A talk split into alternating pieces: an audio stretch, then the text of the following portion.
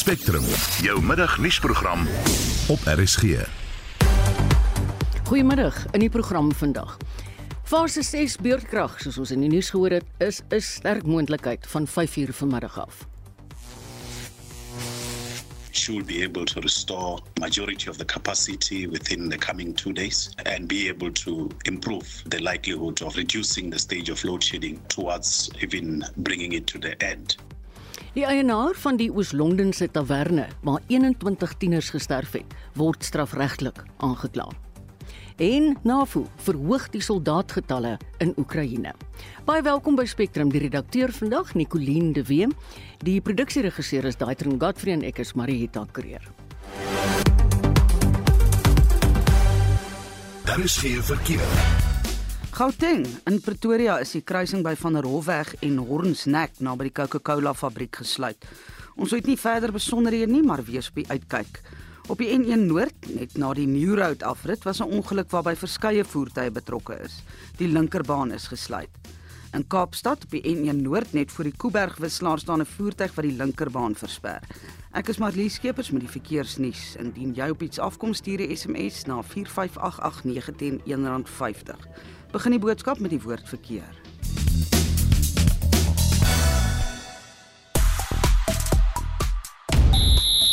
Die koronavirus maak amok in die All Black span en ons kyk ook na 'n paar ranglyste en puntelere. Ek is Shaun Jooste en is later terug met meer inligting. In sosiale media, die hitsmerk Eskom en Stage 6 is baie gewild. Die kragvoorsiener sê hy werk daaraan om die kapasiteit van kragstasies te herstel en om die risiko van fase 6 beerdkrag vanaand te vermy. Die oorsaak van die 21 tieners wat dood aangetref is in 'n taverne in Scenery Park in Oos-London word nog ondersoek. Die hitsmerk daar is Enyobeni Tavern. Ons het 'n brandpunt vraag vandag wat ons baie graag die antwoord van wil hê by ons luisteraars, want ons het nou 'n paar keer gehoor so sake nou staan. Gaan motoriste van volgende week af, dis nou Woensdag 6 Julie. Tussen 2 en 3 rand meer hoes vir 'n liter petrol en diesel. Ons wil baie graag weet, hoe gaan jy hierdie skok oorlewe? Jy kan ook oor enigiets anders as jy wil kommentaar lewe. Ons nommer vir SMS is 45889 45889. Dit is teen R50 per boodskap. Maak 'n gerus saamgestels op ons Facebookblad as jy wil antwoord. Daar is ook 'n moontlikheid van 'n stemnota op ons WhatsApp nommer 076 536 6961 076 536 6961 Jy luister na Spectrum. Elke weekmiddag tussen 12 en 1. Welkom terug, dis 8 minute oor 12. Eskom het vroeër aangekondig dat Suid-Afrikaners dalk na 5uur vanmiddag fase 6 beurtkrag kan verwag. Die kragreus sê die stelsel is onder druk en dat daar nie genoeg kapasiteit is om die ligte aan te hou nie. Intussen het die Johannesburgse Metro 'n verklaring uitgereik waarin hy om verskoning vra aan inwoners vir die voortgesette kragonderbrekings.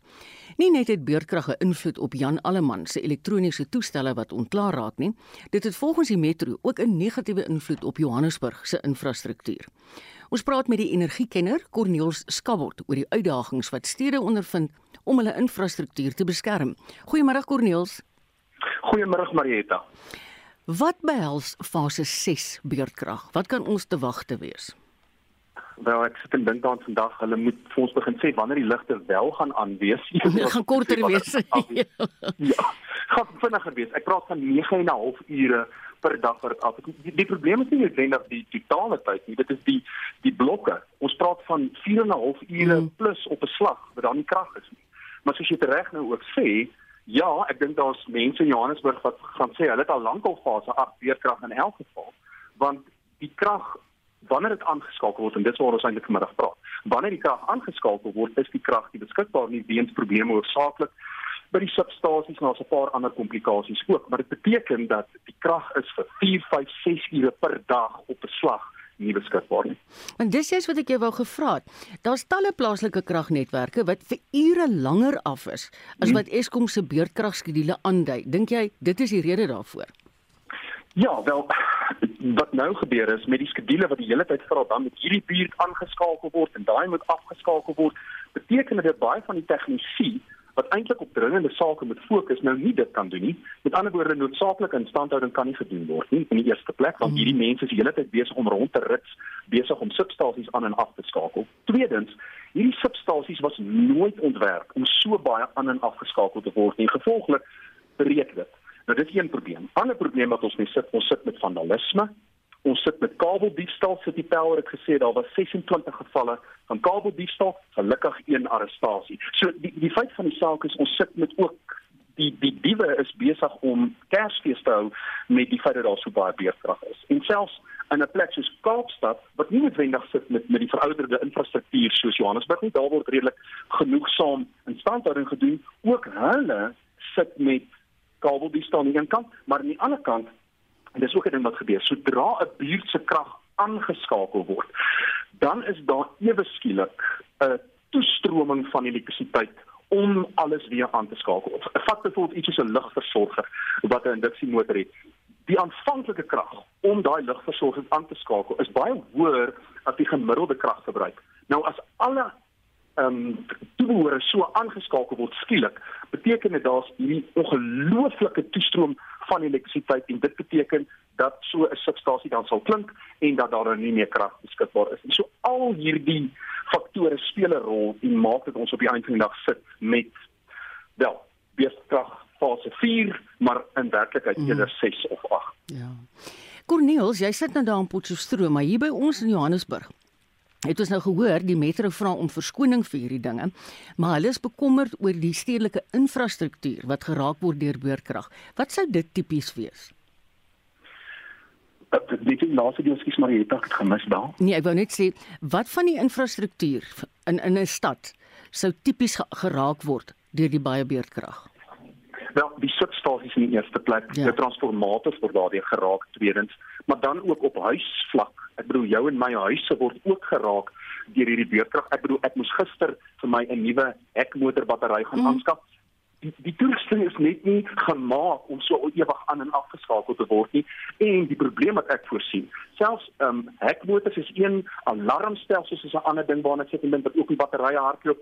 'n kollega van my sê vir my hy het met die alarmmaatskappy gepraat ek dink hulle moes gister alleen en dit spot spot is nie Johannesburg nie 18 batterye wat vervang moes word. So hierdie is alles op die einde van die dag negatief en dan in dieselfde asem Marieta dan sien ons wat gebeur by Eskom en ons sien hoe die werk is van Eskom en dit is dit is vir my ek moet myself nie uitlaat nie ons moet positief bly. Maar dit wat besig is om daar te gebeur is onverskoonbaar dat mense geïntimideer word dat daar op die einde van die dag nie genoegsaam krag opgewek kan word nie. Die, die feit van die saak is die hele Suid-Afrika word hierdeur geraak en dit is my skreiende stande dat die president en die minister van openbare ondernemings, die minister van energie, hulle is skreiend afwesig in hierdie krisis en nie besig om hierdie probleme op te los wat hulle veronderstel is om te doen. Ja, ek, dit is 'n versigtiging dink ek van baie mense. Jy het nou verwys na hierdie motors wat by ons elektriese hekke is. Jy weet as die misdaadsyfer nie so hoog was nie, het ons nie nodig hmm. gehad om daai tipe hekke te hê nie. Ek het self gister van iemand gehoor wat letterlik in 2 weke se tyd twee nuwe motors moes gaan koop het vir daai hek. En die vraag is nou, kan jy dit eis van jou versekerings? Dit hang af wat is die kontrak wat jy heel waarskynlik het, watter tipe versekerings het jy uitgeneem, maar ek weet daar sekerre klousules wat net sê luister hier, ons kan vervang een keer, maar ons gaan nie weer 'n keer daarna hmm. vervang nie. So Ek kan dit glo. Ja, wat ons almal se sakke raak op die einde van die dag. En dan um, die ander probleem is, nou kan ek ook maar net vir die luisteraars sê, met 'n 2 uur 3 uur beerkrag 'n battery sal dit redelik kan kan hanteer maar as 'n battery veral 'n loodsuur battery is nie ontwerp om tot 0 te hardloop. Ek bedoel selfoon kan jy nog mos nog maar hardloop tot by 5% en dan laai hom net weer, maar dit is gewoonlik 'n nikkel gebaseerde battery, maar hierdie veral loodsuur batterye, hulle is nie gemaak om heeltemal af te loop en dan weer gelaai te word en heeltemal af te loop nie. So ek voorsien met beurtkragfase 6 en 8 gaan dit 'n groot probleem wees en batterye wat veronderstel is om dalk 2 of 3 jaar te hou dalk 'n paar maande na hmm. jaar hou. En dit beteken dit is 'n las wat afgewendel word eventueel na die persoon op straat Jan Alleman. Corneels baie dankie. Dit was Corneels Skabbelt, 'n energiekenner verbonde aan die Universiteit van Noordwes. Man en nou is dit jammer, maar ek gaan nou sout in die wonde moet vry want hier kom nog 'n storie. Daar wag 'n brandstofskok op ons motoriste. Julie se brandstofpryse word eers Vrydag aangekondig, maar dit klink vir ons so sake nou staan. Gaan petrol en dieselpryse volgende Woensdag met 'n eislike 2 tot 3 rand 'n liter styg. Ons praat nou hieroor met die ekonomiese raadgewer van die Optimum Beleggingsgroep, Dr. Rolof Botha. Hallo Rolof. Goeiemiddag, Marita. nou, daai vorige onderhoud het jy nou seker op 'n plek van moedeloosheid. Ek is jammer. Sê vir my hoe lyk die onderverhaling tans? Ja, die onderverhaling volgens ehm um, een van die groot bankgroepe se berekening sal neerkom op 'n stygings van net minder as R2 per liter vir die petrolprys en nie veel verskillend vir die dieselprys nie. Gelukkig het die rand die laaste week of twee tekens getoon dat hy uh, weer op pad is hierson na 15 toe. ek ek verbeur my uit vanoggend oopgemaak op uh, 15 die een bron wat ek het 1570 dit is in vergelyking met waar waar hy was vroeër die maand is dit natuurlik baie goed maar ongelukkig betaal ons nou die prys uh, mm. nog vir die uh, swak wisselkoers ons is nie alleen nie daar daar is omtrent geen land in die wêreld behalwe die Russe snaaks genoeg op die oomblik maar dit gaan nie baie lank meer aan nie. Ja. En dit nie deur die die sterker Amerikaanse dollar geklap is nie. As daar soveel onsekerheid in die wêreld is rondom oorloë en rondom uh, geskiedkundige hoë inflasie hoogste in omtrent 70 jaar dink ek in baie lande, dan is volksbestuurders reg oor die wêreld geneig om 'n bietjie aandele te verkoop en staatseffekte van ontleikende lande of ontwikkelende lande wat dit term mense ook al wil gebruik en natuurlik dan stroom hulle na die dollar. Die dollar bly maar die ehm uh, die nommer 1 geldheid in die wêreld ten spyte van Putin se se blykbaar jammer dat ek lag, maar Putin wil blykbaar nou 'n nuwe reservegeldeenheid deur middel van BRICS uh, op die been dring en en dit terwyl uh, Iran nou aanskou in die lidmaatskap van BRICS. As, as as dit gebeur en ons bedank nie onmiddellik uit BRICS uit nie. Ehm um, dan is dit nou nog 'n verleentheid vir, uh, vir ons. Maar terug na die petrolprys uh ek het 'n vermoede dat dat die regering sal dit weer oorweeg want hulle het genoeg geld. Hulle het genoeg geld. Daar's geen twyfel hoe genaamd daarin om weer bietjie verligting via 'n verlaging van die brandstofheffing uh, in die prentjie in te bring al is dit net vir 'n maand of twee. Mm. Ja, want die mense wonder wat die gevolge gaan wees vir motoriste in die algemeen, maar dan dink ek aan boere, mense wat absoluut brandstof nodig het vir hulle daaglikse taak. Ja, dit is die afsig het baie slegte nuus uh, uh, vir vir boere en natuurlik vir mense in die openbare uh, vervoersektor ons praat nou spesifiek van die van die taksies uh jy weet 2.5% van die verbruikersprysindeks is is 'n redelike groot hap. Ja. Uh is vir openbare vervoer en dit is maar die taksies eintlik in in daardie item het met 12.5% gestyg jaar op jaar in die nuutste verbruikersprysindeks terwyl die prys van uh, petrol uh, op 'n jaar op jaar grondslag met 32,5% gestyg het. Met ander woorde, die taxibedryf in Suid-Afrika het het uh, net 'n derde van hierdie brandstofverhoging um, in hierdie stadium het hulle afgewentel na die verbruikers toe en mense moet eintlik maar vir hulle 'n bietjie van 'n pleintjie daarvoor gee. Ehm um, die hoofoorsaak vir die uh, hoër brandstofprys bly die olieprys en die hoofoorsaak vir die hoër olieprys bly die oorlog in Oekraïne. Nou die goeie nuus vir die luisteraars is dat die oomblik wanneer daardie oorlog beëindig word, gaan Rusland se ekonomie en dit gaan om 'n jaar of 2, 3 vat weer van voor af amper moet begin opbou.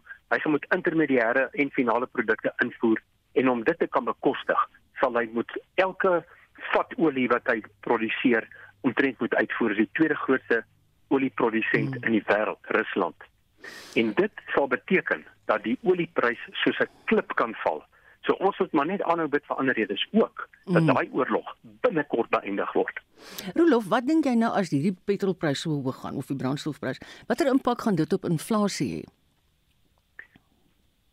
Uh wel, ja, ons sit al klaar met 'n jaar op jaar toename in die brandstofprys van 32,5%. As mens dit uitvat, as as as mens die brandstofprys en en die pryse in openbare vervoer, die prysstygings uit die verbruikersprysindeks sou verwyder en die prys van elektrisiteit hy is ook hierso uh, 14,4%. Dan sou ons inflasiekoers nader aan 5% gewees het en dan sou dit waarskynlik nie nodig gewees het vir verdere rentekoersverhogings nie. Uh Ek mm. persoonlik sukkel om die verband te kry tussen Suid-Afrika se uh, prima koers van as die reservebank hulle repo koers opskuif dan dan styg ons verbandleningskoerse. Ek kan nie die verband tussen dit en en um, die wêreld se vraag en aanbod na olie insien nie, maar die reservebank weet seker meer hiervan af as ek. Ehm um, dit klink vir my soos absolute twak. Uh, so so die inflasiekoers ongelukkig sal nog 'n klein bietjie styg voordat hy afkom. Maar die goeie nuus is dat wanneer hy afkom, kan hy redelik vinnig afkom. Daar is vandag wêreldwyd het ek gesien uh daar berigte op op elke koerant amper in die wêreld uh, wat wat daarop dui dat van die aanbodtekorte uh, in die wêreld insluitende olie is besig om um, om om te versag. So hopelik uh, het, het hy gepiek in Amerika of of in in die, by ons binne die volgende 2 of 3 maande en dan kan hy redelik vinnig val, maar ons gaan ons gaan harde weer hou nog vir ten minste 2 of 3 maande. Dankie. Dit was Dr. Rolof Botha, die ekonomiese raadgewer van die Optimum Beleggingsgroep. Dit ons gebring tot by 20 oor 12. Die families van die 21 jong mense wat in 'n taverne in Oos-London in die Oos-Kaap gesterf het, eis dat die ondersoek geprioritiseer word. Die voorval het vroeg Sondagoggend plaasgevind. Die taverne is intussen gesluit en die eienaar se dranklisensie teruggetrek hangende 'n polisieondersoek. Marlenae Forsie berig. Die ouers van die 21 jong mense is in rou gedompel na die onverklaarbare dood van hulle kinders. 'n Biduur is gisteraand gehou om die treurende familielede te ondersteun en individuele berading word vanaf vandag aangebied. Toby Zonke Mgangala is een van die ouers wat 'n kind verloor het. For us as family, when you are growing up a child, you're looking forward to the child that she or he is the one who's going to bury you. But it's so sad now to find ourselves being here, being mourning for the for for her as young as she is. This is the first encounter in this family. It's so difficult to accept. Die voorval het gemoedere in die gemeenskap laat opvlam, maar die polisie vra vir kalmte. Polisiewoordvoerder Brigadier Tembinkosi Kinana sê die ondersoekspan is besig om die gebeure wat tot die tragedie gelei het te ontleed. The SAPS requests that uh, they be given sufficient space and time in order to conclude their investigation. At an appropriate time, a formal statement on the outcome of the investigation will be made available by the relevant authority. As was reported uh, yesterday, the death toll is still standing at 21. Volgens 'n hoofinspekteur by die Oos-Kaapse Drankraad, Zola Tikwe, is die taverne voorlopig gesluit.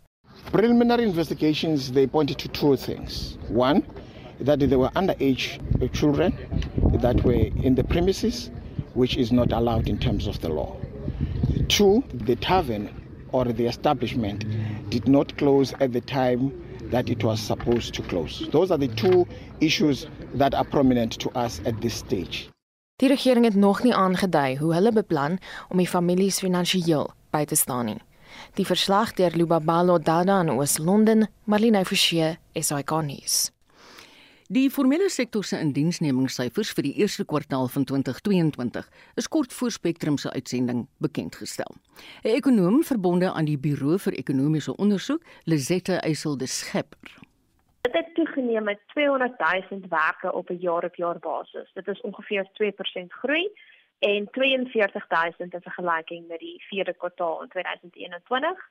Daar is nou omtrent 10.1 miljoen mense wat werk in die formele sektor en dit is gelyk met 10.3 miljoen net voor die um, pandemie ons getref het. So daar's nog so 200 000 werke minder as wat ons gehad het teen die einde van 2019. En dit was 'n ekonom verbonde aan die Buro vir Ekonomiese Onderzoek, Lisette Eysel Dischepper. 'n Meer indiepte ontleding hiervan vanmiddag in Brandpunt en dis om kwart voor 6. Die helfte van Suid-Afrika se rioolverwerkingsaanlegte voldoen nie aan nasionale standaarde nie, terwyl ander heeltemal in die taak misluk. Die inligting is vervat in die jongste Groen Druppel verslag.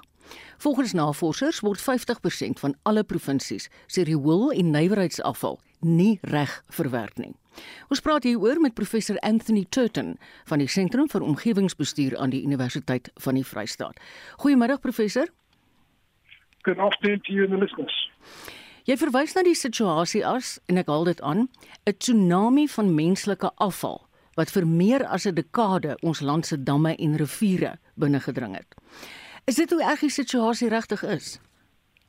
Yes, uh, we must go back to the time when Mvula Mokanyani was the uh, uh, Minister of Water and Sanitation, and in her wisdom, she decided to suspend the blue and green drop reporting system simply because uh, it was not reflecting very well on government.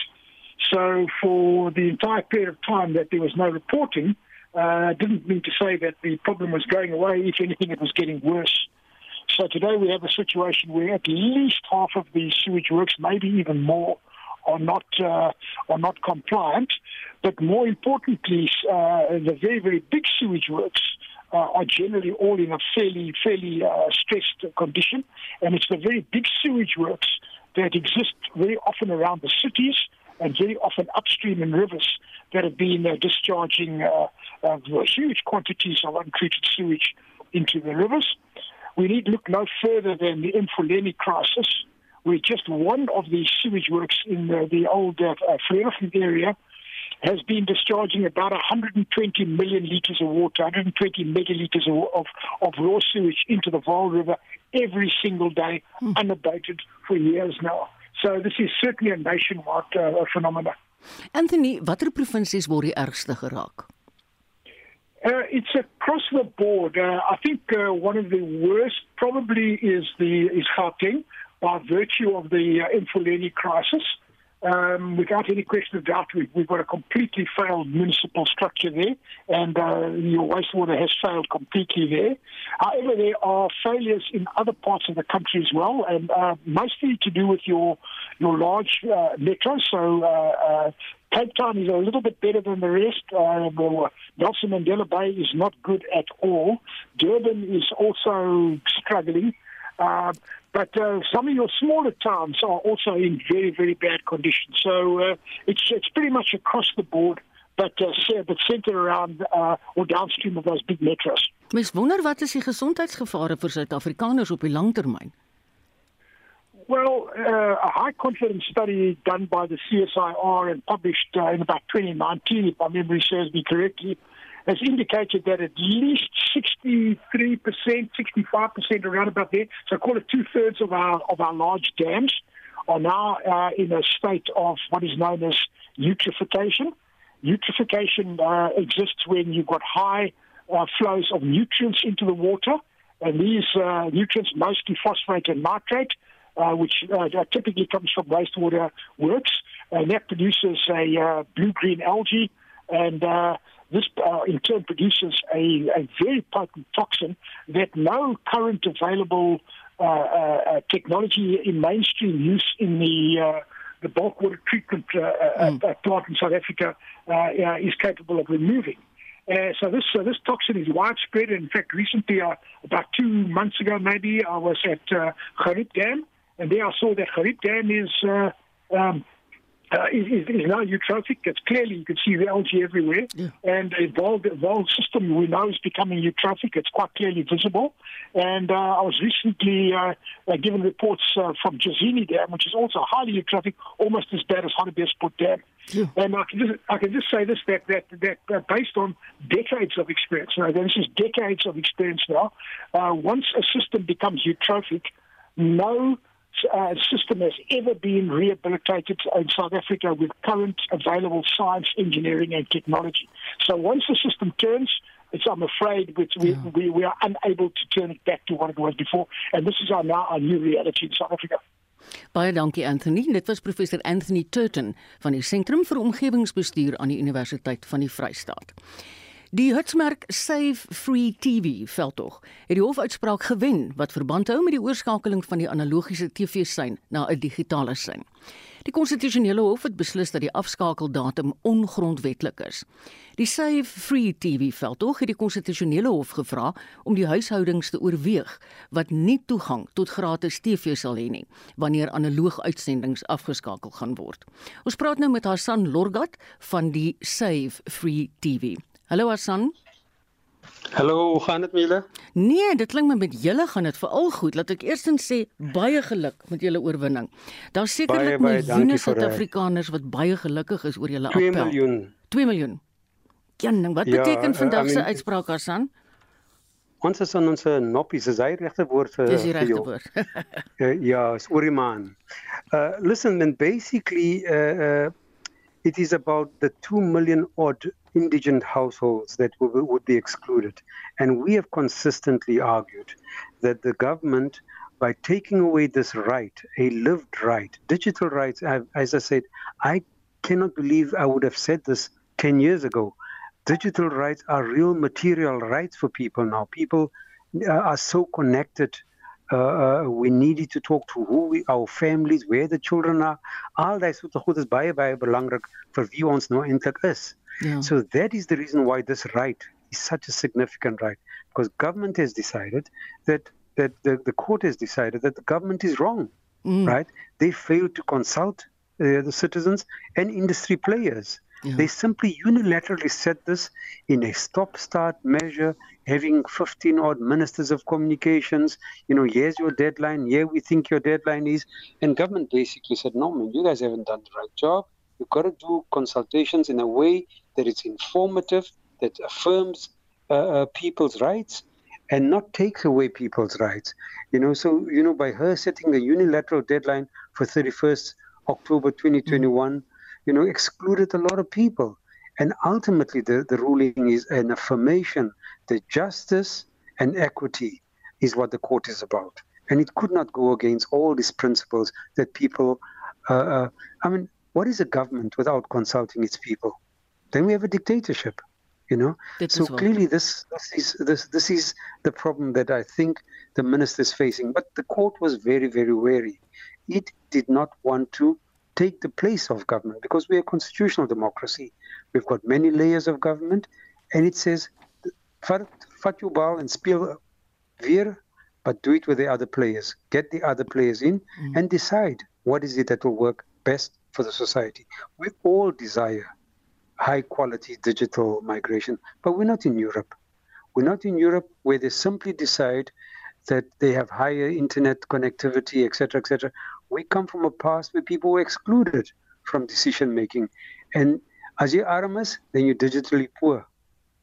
Dit is helaas waarom ek dink dis die mense waarvoor jy gestry het en ek sê weer 'n keer baie geluk dat jy hierdie saak gewen het. Dit was Hassan Lorgat van die Houtsmerk Save Free TV veldtog. Daar is geen verkeer. In KwaZulu-Natal op die N3 Oos vanaf Helwick na Pietermaritzburg is 'n ewige verkeersopeenhoping. Ons het hopelik later meer besonderhede, maar as jy iets daarvan af weet, laat ons asseblief weet. Op die M32 weswaarts net na die Harry Kwala afrit was 'n ongeluk op die en die regterbaan is gesluit. In Gauteng was daar padwerk op die R21 in 'n suidelike rigting by Nelmypeesweg. Die pad is weer oopgestel. En in Kaapstad op die N1 Noordstad in is daar padwerk en die regterbaan is gesluit. Ek is Marlies Skeepers met jou verkeersnuus. Stuur vir ons 'n SMS teen R1.50 by 45889 begin jou boodskap met die woord verkeer.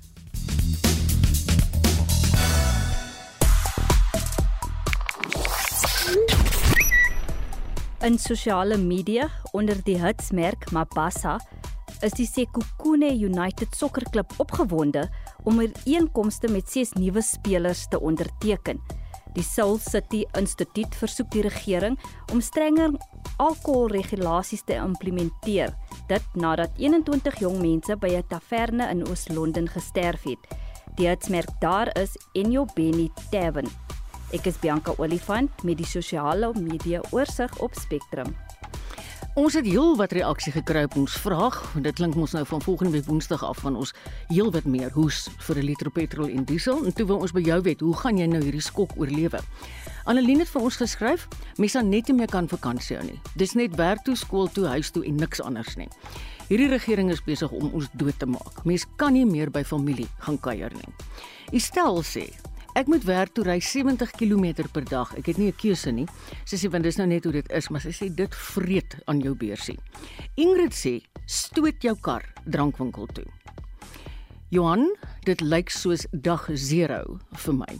En François sê die padda in die pot is besig om te borrel. Maar Teresa het dalk die oplossing. Sy sê raak ontslaaf van al die middelmanne wat miljoene maak uit die bedryf.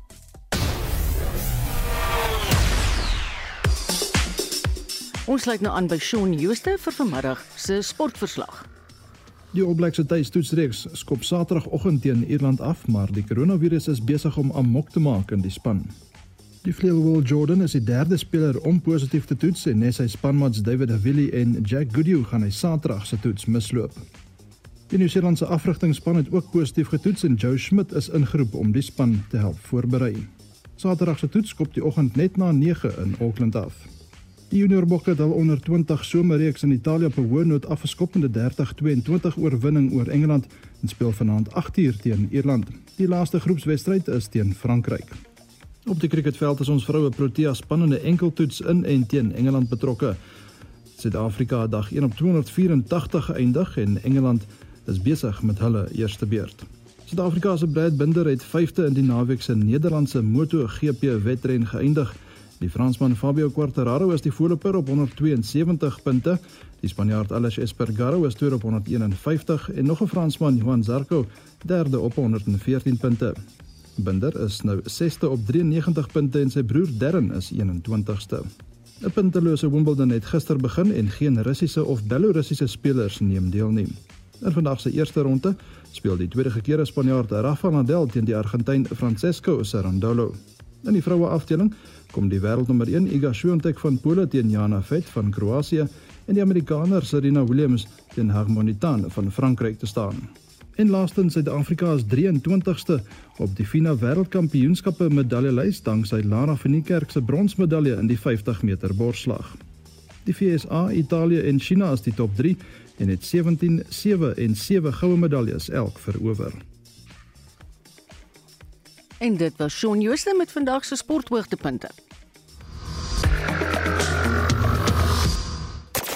Jy luister na Spectrum op RSG. Ons het nou net sportnuus gehad, maar kyk praat van 'n sport hoogtepunt. Die Springbokspan is vanmiddag bekend gemaak vir Saterdag se eerste toets teen Wallis op Loftus. Jacques Niedaber se 23-tal sluit in twee spelers wat nog nie vir die Springbokke uitgedraf het nie, terwyl Elton Jantjies in die belangrike losskakel posisie gekies is. Udo Karelse sluit nou by ons aan vir meer besonderhede want hy was daar. Hallo Udo. Marieta, goeiemôre. Vertel ons meer van hierdie moontlike debutante man. Man, kyk, ek, ons begin eers met daai met daai groot nuus. Die 23 taal soos jy nou gesê het, sluit in uh, spelers wat nog nie vir die Springbokke bo uitgedraf het nie. Slot Salman Murat van die Stormers en dan ook 'n man wat op flank en agste man kan uitdraf, Eldrich Lou. Hulle is ingesluit. Die man het natuurlik teen mekaar kragtig gemeet in die finaal van die Verenigde Rugby Kampioenskap. Die voorry vir Saterdag se wedstryd baie interessant. Bongie Mbonambi op hakker met sy tweeste te Oxenche in die nommer 1 try en Frans Malherbe op vaskop. Die die slotte in die 15tal Ebenetsebeth en Lode Jager. Hierdie manne in dien fiks kies basies hulle self. Uh Pieter Steff Tutoy en Dwayne Vermeulen was natuurlik die groot beseringsleemtes wat gelaat is. So wat beteken dit vir die los trio vir Saterdag se wedstryd wat ook ons kaptein Sia Kolisi insluit? Wel in die laaste toets teen die Britse en Ierse leeu's was dit Kolisi, Franco Moster en Jasper Wiese. Nou Wiese het natuurlik tydens die Britse en Ierse leeu's toer die agste man try sy eie gemaak uh, met Kwagga Smith wat van die reservebank af gespeel het. So vir Saterdag se wedstryd is daar kontinuïteit. Dis so hulle gaan uitdraf. Dis Kolisi, Moster en Wiese. Uh dan terug na die manne wat basies hulle self kies in die fiks skrimskakel Faf de Klerk die senter kombinasie Damian de Allende uh, en vir my die beste speler van die afgelope jaar Lucanio Am die twee vleuels Cheslin Colby en Makazoli Mapimpi loskakel bietjie van 'n verrassing Alton Jantjies wat verwyle die doodsgreep op die posisie van Andre Pollard oorneem maar Pollard natuurlik na die top 14 finaal in Frankryk eers maandag by die uh, span hmm. aangesluit terwyl uh, Damian Willemse die heel agterposisie oorneem by Willie Leroux wat op die reservebank sal wees. Die res van die bank Marietta is 'n 6-2 kombinasie tussen voor en agterlyn spelers. Herschel Jantjies, die ander skrimskakel in die 23 taal. Die res van die bank sluit dan in Malcolm Marx, Steven Kitchoff, Kwagga Smith met Alrich Lou en Salman Murat wat soos ek gesê het moontlik die naweek ook hulle debuut kan maak vir die Bokke. Oudo, wat dink jy is alles op die spel met hierdie heel eerste toets? Man, kom kom ons stel hom so, wel is dit nog nooit hier in Suid-Afrika gewen nie. En en as ons kyk na die Verenigde Rugby Kampioenskap wat nou agter die rug is, elkeen van die Walliese spanne, hulle het wel tuis gewen, maar as hulle in Suid-Afrika kom speel het, het elkeen van hulle verloor. So geskiedenis sê ons moet eintlik hier wen, maar Wallis se rekord is is oor die algemeen buite Suid-Afrika baie goed. Die Walliese span uh, spog met 4 uit 6 oorwinnings in hulle laaste wedstryde, maar neem in ag asseblief die laaste 2 is deur die Bokke gewen wat ook insluit die seëge teen hulle in die Wêreldbeker in Japan met hy skrale 19 1916 oorwinning. So dit ek sou sê die Bokke is seker maar die gunstelinge vir die naweek, maar kom ons kyk wat die besoekers uh ja, kan doen in hy eerste toets. Wallis maak uh, hulle span donderdag bekend vir Saterdag se toets tussen die twee spanne op Loftus wat net na 5 na middag plaasvind. Baie dankie Oudo. Jenning, dit is nou lekker vars nuus. Dit was Oudo Karelse, ons gewone en gebruikelike sportkommentator ook monitor aanbieder, maar Jenning, hierdie is nou regtig lekker vars nuus.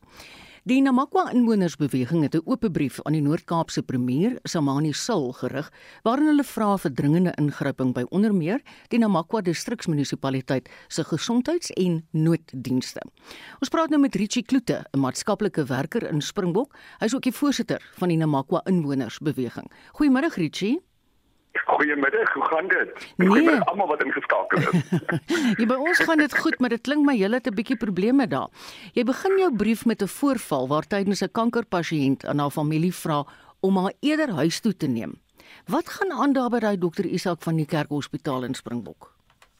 Jy dankie dat jy my kon uh, terugbel en net want dit is my ek was daar die spesifieke antwoord wat gebeur het is dat ons pasiënte moet van Springbok af Kimberley toe ry um, om spesialiste te gaan sien want ons kry geen spesialiste in Springbok Hospitaal nie. So dan moet pasiënte letterlik buitekant sit en wag vir 'n taxi vir die patient transport om hulle te vervoer Kimberley toe. Nou wat gebeur is pasiënte word nie ingelig of die dienste gekanselleer word of nie. Met die gevolg of hulle verloor hulle se afspraak by die spesialist. Dit was spesifieke kankerpasiënt ook want die pasiënte moes wag van 6 uur af tot om en by voor 11 die aand hmm. om vervoer te word na Kimberley Hospitaal sonder dat enigsins wat hulle kommunikeer word of weet wat gaan aan. Ek het gaan intervene, dit is my baie persoonlik, my pa was ook een van die pasiënte wat moes gaan met die patient transport en dit was ekskoud daai spesifieke dag en ek het gedink niemand nie in Springbok Hospitaal kon antwoorde gee op die hmm. dienste en die die swakdienslewering en wat word van die van die pasiënt transport Kimberley toe nie. Die pasiënte word nie ingelig nie. Ek het uiteindelik toe iemand by die beheersentrum in die hande gekry wat sê dit daar is daar was nie eens 'n transport available om die pasiënte te vervoer nie. Wat is die toestand van die nooddienste daar by julle munisipaliteit? Pateties. Absoluut pateties en kommerwekkend. En ek sê weer ons deel hier met mense se lewens. En dit is dit is vulnerable, nee, vulnerable patients wat spesialiste moet gaan sien. So mense het al gekla en gekla. Dit is die eerste keer dat ons kla hier oor nie. En as jy in my openlike aan die premier ehm um, lees dan sal jy sien, ek het gesê ons het vir Dr. Somali sou applaud met die nuwe ambulans. Waar is dit? Die ambulansdienste is heel hoe sê mens swak van ehm um, equip om om die om die groot vraag en daar na goeie en basic healthcare te te voorsien. En die die uniekheid van die Makwaland, ons is die grootste distrik. Ehm um, in die in die Noord-Kaap. Maar ons sit dit met een werkbare ambulans. Maar hoe kan dit wees, uh, Richie? Ekskuus, wat as daai ding breek op 'n pad? Die antwoord is, die regte antwoord is dan is jy in die gemors en people die. Mense mense mense kan sterf, mense raak hier siek. Ja. En dit is die gevaar en dit is die die uitroep, die outcry vir hulp. Al meer ons oor toemaak en ons ore toemaak en sê daar is nie geld nie. Daar moet prioritiseer word. Ek meen net die bloot is feit 'n maklik gesnerpende koue hierdie afgelope tyd. Pasiënte staan letterlik buitekant en wag vir 'n taxi om te moet te, te moet ry. As hulle klaar daar is, wag hulle weer vir 'n taxi wat moet afkom. Sonder koffie, sonder ete, sonder enigiets. Ehm um, so dit is net vir my 'n dismal state of hoe sê mens Um, ja, van sit ja, die situasie ja, is onaanvaarbaar. Richie sê net vir my. Dit is onaanvaarbaar. Het julle enigsins 'n antwoord op hierdie oop brief gekry? Op die oomblik het ek net 'n brief gekry wat sê die premier kan nie nou die aandag hier aan die brief nie, dis vir kort kennisgewing. Hulle moet ondersoek en nou is instel, bla bla bla. I ja. call that a lot of met woorde baie mooi kies. Ehm um, Wat is bullshit in Afrikaans? Hoorie Richie, baie sterkte. Ons sal beslis in die toekoms weer met jou gesels om te hoor of dinge enigsins verbeter.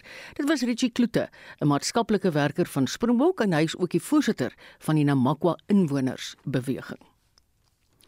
Die wetskrif oor die bewaring en die volhoubare verbruik van die Suid-Afrikaanse biodiversiteit is tans oop vir die publiek se kommentaar. Die minister van Bosbou, Visserye en Omgewingsake, Barbara Krisi, sê ondanks streng wetgewing verloor Suid-Afrika deurlopend biodiversiteit. Krisi sê die wetskrif gee gestalte aan die voorstelle van die hoë vlakpaneel van kenners wat in 2019 aangestel is om spesifiek na aanhou, teel en jag van leeu's ondersoek in te stel. The draft white paper gives effect to the recommendations made by the high level panel of experts appointed in 2019 to review our current policies, legislation, and practices on matters of elephant, lion, leopard, and rhino management, breeding, hunting, trade, and handling. The high level panel recommendation provides a very clear way forward on how to address key sector challenges this panel consulted widely, including with different spheres of government, wildlife industry stakeholders, conservation and animal welfare NGOs, as well as traditional leaders, traditional healers, and communities adjacent to the Big Five protected areas in Northwest, Limpopo, Mpumalanga, KwaZulu-Natal, and the Eastern Cape. The voices of these stakeholders have a strong presence in the report of the high level panel and informed many of the recommendations. The high level panel highlighted the importance of transformation of the sector with empowerment and capacitation of communities living with wildlife and recognition of their traditions and cultures as practiced through traditional leaders and traditional healers. Krisis sê verder dat die omgewingssektor nog nie sy volle ekonomiese potensiaal bereik het nie. It's almost two decades since the advent of our democracy. And unfortunately, our biodiversity sector remains largely untransformed, and there is inequality in access to benefits arising from biodiversity and associated ecosystem services. Furthermore, the sector has not reached its potential in terms of the contribution to the national economy gross domestic product. Biodiversity and its use is a catalytic engine for rural economies and value chains that emerge from these, and this needs to be fully realized. In ek is Susan Paxton vir SAK nuus in Skukuza in die nasionale kreerwiltuin. Wat is jou brandpunt? Ek hoor gereeld dat vrouens kla en die media kla dat vrouens nie gelykstaande is aan 'n man nie. Ek dink regter Maya is die regte persoon vir die regter president. Ons wil die gemeenregtelike verbod op bystand dood dekriminaliseer. Stygende brandstofkoste, stygende inflasiekoers, stygende rentekoerse, ons gaan dit in die werkloosheidsyfers sien. Brandpunt. Weksmiddag tussen kwart voor 6 en 6 uur net op RSG. Spectrum, jou middagnuusprogram op RSG. Waarskuwings is uitgereik dat vis wat langs die Durbanse kus gevang word, nie geëet mag word nie. Hoë vlakke van die bakterie E. coli is in die water aan die suidkus teenwoordig. Weens rioolbesoedeling na die April-oorstromings is talle strande aan die suidkus gesluit. Marlies Skeepers het meer. Met die sarduintjie loop in volle swang aan die suidkus, is die vraag op almal se lippe of jy kan siek word wanneer jy die blinkvisse eet en word die seewater steeds deur die beskadigde rioolstelsel besoedel.